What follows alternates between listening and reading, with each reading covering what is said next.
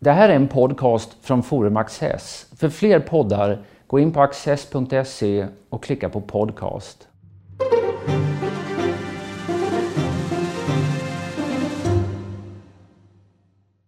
You were a guest on this program in 2015 to talk about your book Red Notice, or in Swedish, Mitt krig mot Putin. Yeah. How would you describe these last four years with regard to the Magnitsky campaign?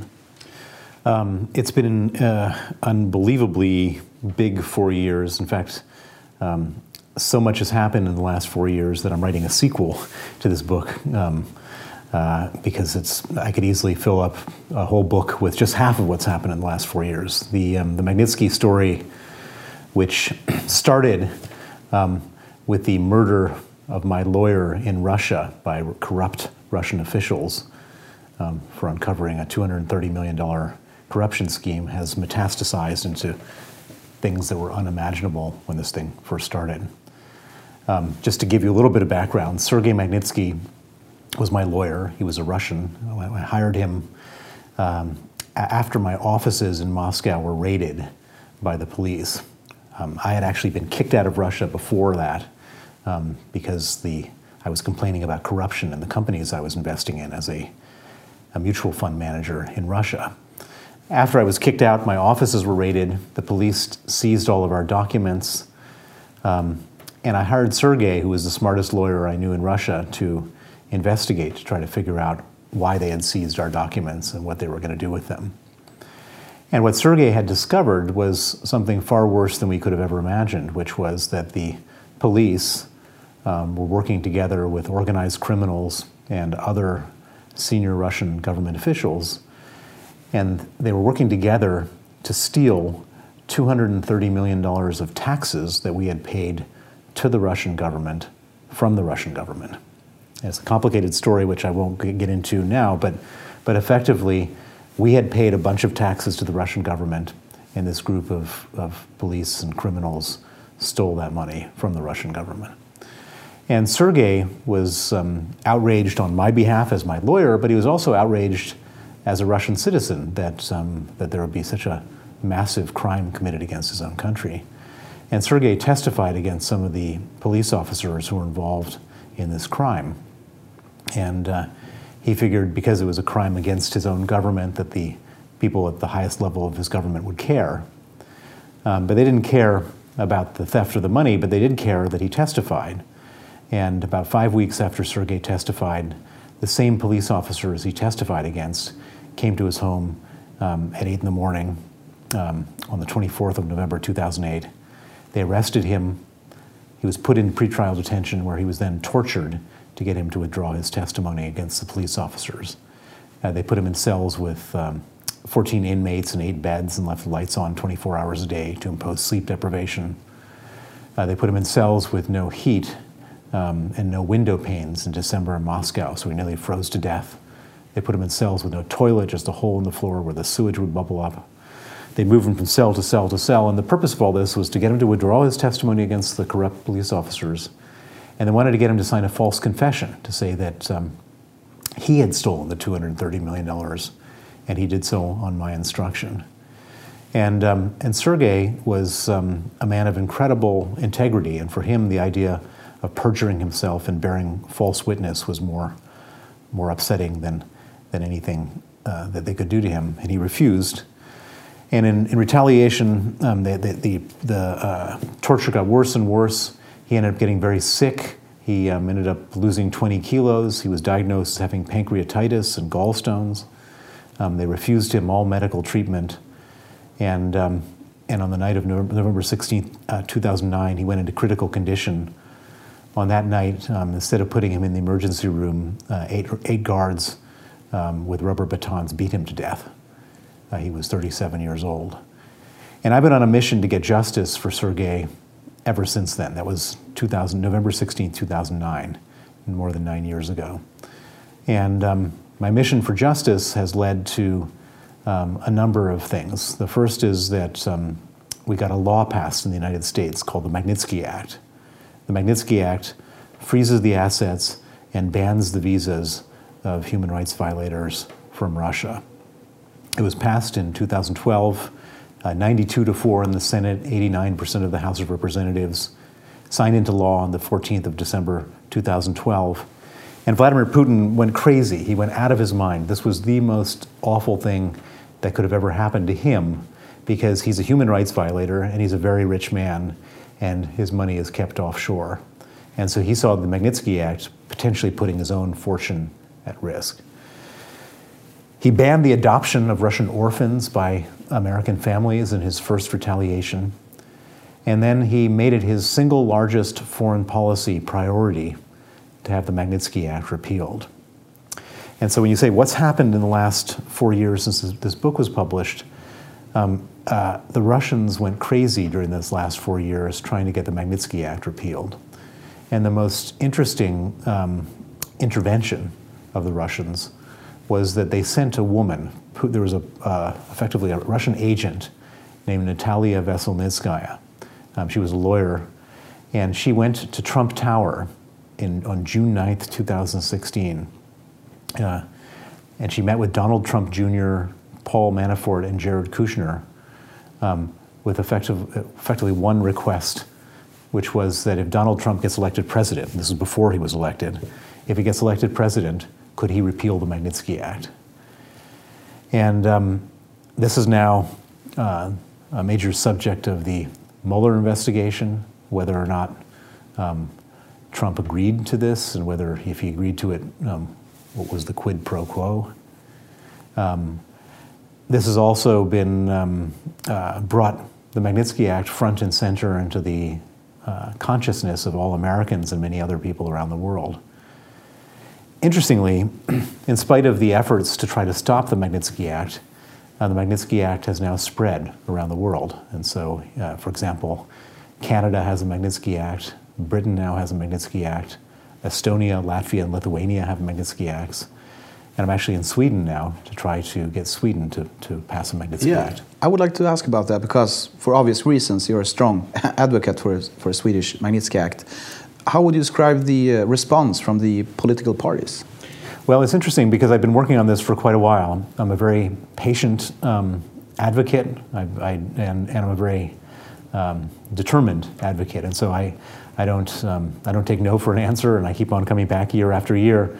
And I started this process in Sweden maybe five, six years ago, and um, with very little traction. But about a year ago, um, it started to get some traction, and uh, I was able to get all of the um, political parties who were not in the government. So the um, uh, Liberal Party, the Center Party, the Moderate Party, and the uh, Christian Democrat parties all explicitly and openly supported the um, idea of a Swedish Magnitsky Act.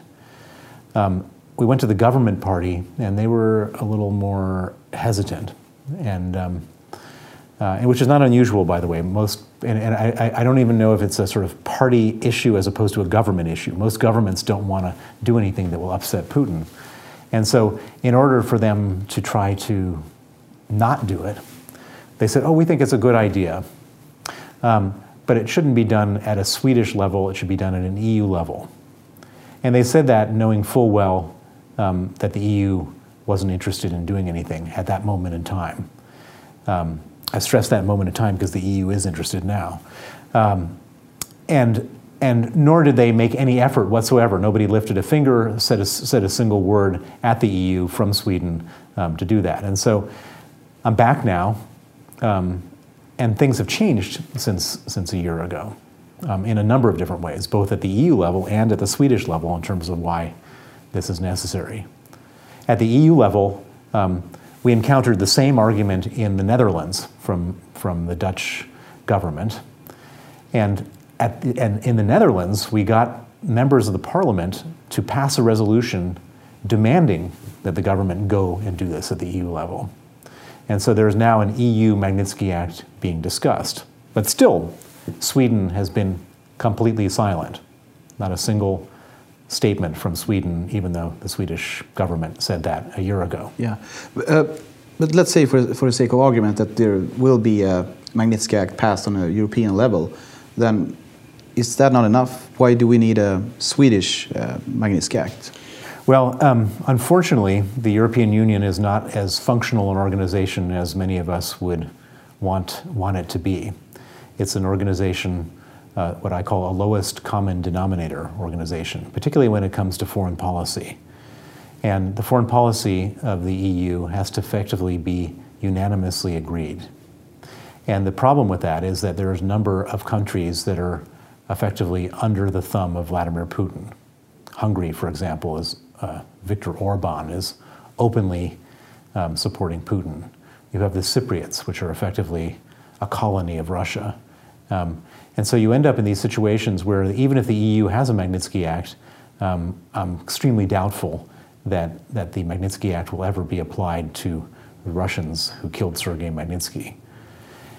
And at the same time, we already have four countries in the EU that have Magnitsky Acts Estonia, Latvia, Lithuania, and for the at least next few days, um, the uh, UK. UK is leaving the European Union, but you have four countries that are.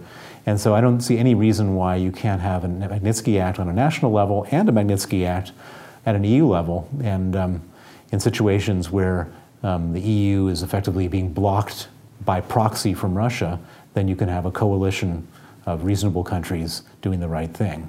But that requires legislation in Sweden. Have you had any? Um, what has what has been the response from the uh, from the current government? Well, I've not gotten a response from the current government. I requested a meeting with the foreign minister. My meeting request was rejected, so I have not had any um, ability to gauge their feelings about this. I'm sure their feelings are exactly the same as, as they were in the previous year because um, no government wants to do this. This is always um, this always comes to governments uncomfortably. Um, governments don't like doing anything that will upset Russia, and so I don't expect that they're going to em- embrace me with open arms and say we're going to do this. I expect that we're going to have to force the government to do this under public pressure, um, under parliamentary pressure, under press pressure um, to do the right thing. It's a very simple request. Should torturers and murderers, not just from Russia, but from everywhere, be allowed to come to Sweden and use the banking system? Yes or no? Sweden is supposed to be a country of, of um, more morality and leadership. Um, I think that if you ask any person on the street that question, they would say, Of course they shouldn't be allowed here. And if you say, Are you aware that there's a law being considered to do this? They would say, I didn't know that. And then if I said, Are you aware that the government is blocking the law to do this? They would say, That's outrageous. Why would the government do that? And that's, that's how this, this stuff ends up happening. I see. Um, speaking of um, honesty and low level of corruption, uh, Swedbank is now facing serious allegations regarding money laundering uh, through their Baltic branch. How serious would you say this is? Well, um, I believe that the initial um, reports and the reports come from us and they come from the Swedish public broadcaster, um, raise some very, very grave questions about money laundering at Swedbank. Uh, we were able to identify $176 million of suspicious transactions connected to the Magnitsky murder that flowed through Swedbank. And it wasn't just through the Baltic branches, it also flowed here into Sweden itself. And um, that's, that's a pretty um, uncomfortable um, finding. Moreover, um, what I was able to watch on the Swedish public television was much bigger and much more uncomfortable. And, um, and in a certain way, this Swedbank scandal brings home to Sweden um, the necessity um, for a Magnitsky Act because Sweden shouldn't be in any way complicit through the banking system or any other way um, of encouraging or enabling dictators and human rights abusers um, to, to, use the, the um, sort of integrity of the Swedish system in any way. Do you think there, that Sweden has been um, naive when it comes to these uh, sort of issues, um, since we have not had that sort of experience, or at least we thought so uh, up until now? It's interesting because um, this is not just a Swedish problem; it's also a Danish problem, um, and possibly a Finnish problem because Nordea Bank has also been implicated in a number of these uh, suspicious transactions. And uh, I, I, think that, that it's sort of a combination of two things. So on, on one hand, um, there was this idealistic business approach um, for the banks to let's expand. Where should we expand to? Well, look, there are these neighboring countries just uh, uh just across the water in the Baltics. Why don't we buy up these banks? Um, and then I think when those banks started to generate big profits, it was easy for certain management teams to, to look the other way because um, they, that's their job is to generate profits. Uh, but some of those profits um, came from uh, moving illicit funds. Do you think we will see uh, more banking scandals of this kind in the coming years? I think we will. I can't say which banks will be affected, um, and it's not just going to be a Nordic issue or a Baltic issue. I think it will be a, uh, an issue that affects many, many European banks. And the reason for it is very simple that, that over a 20 year period, the amount of criminal proceeds leaving Russia is a trillion dollars. And those criminal proceeds found the weakest links through different banks to get out into Western Europe so they could buy property, they could buy yachts and private jets, but more importantly, they could also buy influence, um, and they could pay for assassinations, and they could pay for chemical weapons, and do all sorts of other terrible things. And so, this isn't just a moral issue; it's a uh, national security issue. Do you think that Sweden should adopt a tougher stance um, against money laundering and antitrust crimes? Uh, in the United States, people go to jail for, I don't know, 20, 30 years. I'm not saying that that is a good policy, but in Sweden, the, the sentences or, or um, penalties tend to be quite um, low, so to speak. Well, basically, I mean, so, so let's just look at the Danske Bank story for a second. Danske Bank, you had a, a number of people inside Danske Bank that were enjoying the profits and enjoying big bonuses because of the profits of, uh, and then it was discovered that $232 billion of, of suspicious transactions from the former Soviet Union flowed through Danske Bank. It's now an international scandal. It's the largest money laundering scandal in the history of Europe. And Danske Bank will probably face extreme financial penalties in a, in a variety of different countries. The management of the bank, the CEO and the board directors, um, the, what's the consequence to them? They'll lose their job. I don't even know if the CEO will have to pay back his bonuses. So, who are the people who get hit? the pension funds that invest in the shares, and possibly, if the fines are so large, then the taxpayers of Denmark. That's just a totally unfair situation. Who, who should pay the price? The people who committed the crimes in the bank and the people who had responsibility for those who committed the crimes in the bank. And the one way you could stop this from happening is by, is by creating a serious consequence to that. Go to jail. If people went to jail, then all of a sudden uh, the banking regulation would be so tight that there would be no people doing money laundering. But at the moment, it's very relaxed. And therefore, the shareholders pay the price, uh, the taxpayers pay the price, and the people who committed the crime pay very little or no price.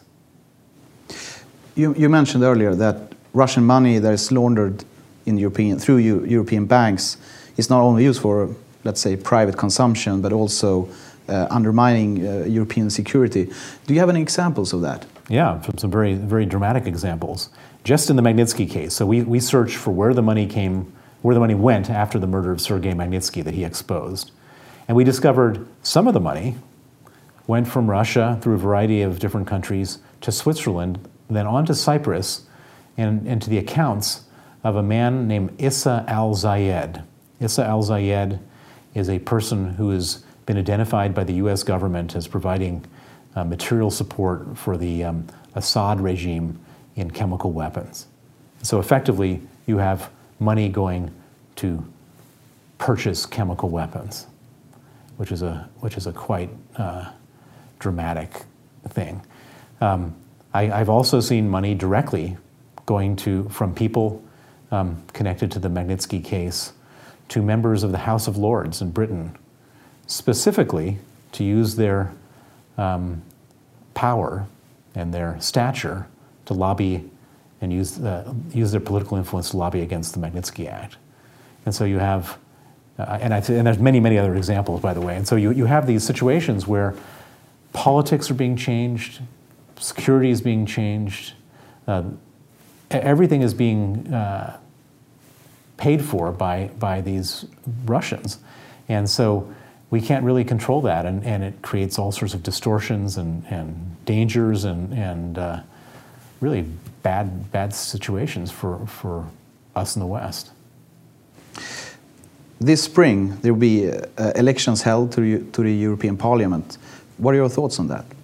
Well, we know for sure that, that Russia has funded a number of, of far right parties. It, um, it's been noted for a long time that Russia, that a Czech bank owned by a Russian um, gave significant loans to Marine Le Pen. It's just recently been, been revealed that Rosneft was involved in selling oil at a discounted price to a trading company that was going to provide financial support for Salvini in Italy. Um, we know that um, Arron Banks, who was one of the largest supporters of Brexit, um, uh, has a sort of mysterious sources of funds that, that um, went into this. He, and, and, at the same time, he had 13 meetings at the Russian embassy, which would suggest that there was some kind of Russian interest in what he was doing and possible Russian financial involvement. Uh, I've just learned in the last 24 hours that um, some of the money from the Magnitsky case um, went to a person in Latvia who is one of the biggest financial supporters of the Harmony Party, which is the pro-Russian party in, in Latvia. And so, and this is just the stuff we know. And so I think you can pretty well be well assured that, um, that there is a Russian um, involvement both in funding and then in all social media for uh, far right um, people to join the European Parliament. And when they do, they're going to then be doing things to try to um, disrupt tough actions against Russia. And what implications could this have for the uh, possible uh, Magnitsky law at a European level? Well, um, uh, I, I, don't think that they're going to end up getting a majority of the parliament, but I think that they'll have a loud voice, and it will make it harder and, and more time consuming for me to ultimately get to the point of getting an EU Magnitsky Act. I think we'll get there in the end because I think the voices of reason will prevail, um, but it just makes life more and more difficult. Apart from Sweden, what other countries do you see uh, are discussing a, a possible Magnitsky Act? well, within the European Union? Within the European Union, we're, we're having serious discussions in the Netherlands, um, in France, in Romania, in the Czech Republic. Um, uh, we are um, Denmark is another country where we're where we have had uh, parliamentary initiatives going, and then outside the European Union, uh, there's an Australian Magnitsky Act which is being considered, um, Ukrainian Magnitsky Act, Moldovan Magnitsky Act. So this is sort of percolating in all sorts of different areas, and and uh, eventually, my hope is that it becomes sort of worldwide standard. How would you evaluate the European Union's Russia policy thus far? Well, the European Union's Russia policy has been remarkably good considering how dysfunctional the European Union is and how this whole unanimity issue could have derailed it. Every six months, the sanctions against Russia need to be renewed. Every six months, everybody in Brussels panics about whether Italy or Cyprus or Hungary will somehow use their veto. So far, that hasn't happened, but it feels very tenuous. So, what's your message to Swedish policymakers? Well, my message is twofold. One is that um, Russian money laundering and the Magnitsky case are no longer abstract theoretical concepts. This is a real concept which affects Sweden in a real way because of this money laundering scandal. And um, at the same time, uh, we, ha- we have one tool, and it's not the only tool, that needs to be put in place um, to stop Russian malign influence, and that is the Magnitsky Act. And it's not just for Russian malign influence, it could be for Chinese malign influence and Venezuelan or Saudi Arabian malign influence. Um, but this country, as a standard bearer um, for international justice and morality, shouldn't be one of the last countries to do a Magnitsky Act. If we look uh, at Russia, how would you evaluate the uh, opposition's work uh, there as for the moment? Well, what happens um, to the opposition? Um, my friend Boris Nemtsov um, was killed. He was one of one of the people who worked around the world for Magnitsky sanctions. His protege, Vladimir Kara-Murza, who's been with me in various parliaments around the world as well on Magnitsky, was poisoned um, twice within an inch of his life. He, he barely survived. Um, Alexei Navalny, um, another opposition activist, um, he's been charged, arrested, prosecuted. His brother was put in jail as a hostage. Um, and then Garry Kasparov, another uh, Russian opposition activist, um, uh, had to flee the country to avoid being arrested and now uh, lives in New York. And so it's a very, very difficult, dangerous thing to be a Russian opposition activist. Do you see any um, silver linings, so to speak, or, or, do you see any signs of, of, you know hope in Russia? No. Why is that? Well, Vladimir Putin uh, is a dictator who has no choice but to try to stay in power for the rest of his life. Um, if he was ever to lose power, he would lose all the money that he's accumulated. He would go to jail and he might even die. And so, for him, from his perspective, the only thing he can do is stay in power. And as time goes on, and as the economy falters and declines, and as the standard of living declines, um, it's harder and harder in a pseudo democracy. It's not a democracy, but they try to pretend it still is. Um, and people kind of expect that it is in Russia. And so it, it's harder and harder for, for him to, uh, to do any, anything other than cheat to get elected. And, and he's afraid at some point um, uh, if he cheats and gets caught, he might end up getting overthrown. And so the best way of avoiding um, being overthrown is to try to deflect the anger away from him towards other people. And so he starts wars in foreign countries. Um, he hacks elections. He cheats in every different way possible. And the, more, the worse it gets, the more of these adventures he's going to embark on. It's interesting because you said the other day that Putin will not invade another country due to the fact that he is already waging a war in the Ukraine and occupying parts of Georgia. If that is true, um, shouldn't we all relax and let P Putin be? We should definitely not be relaxed. So um, Putin is not going to send his tanks you know, across the border um, into Finland, for, for example. Um, but he could easily um, send his dollars across the border into Finland to support some kind of uh, far right party that is sympathetic uh, to Russia. Um, Putin is not going to start sending bombers to bomb uh, uh Stockholm, but he could easily um, uh, hack or send um, thousands of Facebook ads and, and Twitter bots to um, confuse people about um, who to support in, in elections here. Um, uh, he may not, um, you know, go roll into Kazakhstan, um, but uh, uh, he could absolutely send assassins to um, London to come and kill me. and this is the type of stuff that he does. It's, it's sort of off the books, plausibly deniable, um, asymmetric warfare. And he does it on a large scale. Um, he has many, many different projects going on. And he's not living by the same set of democratic, reasonable rules that we live, live by. And our best chance is perhaps the Magnitsky Act. The Magnitsky Act is our best chance among a number of other important, tough policies to contain Russia. Thank you, Bill. It's been an honor having you here. Thank you.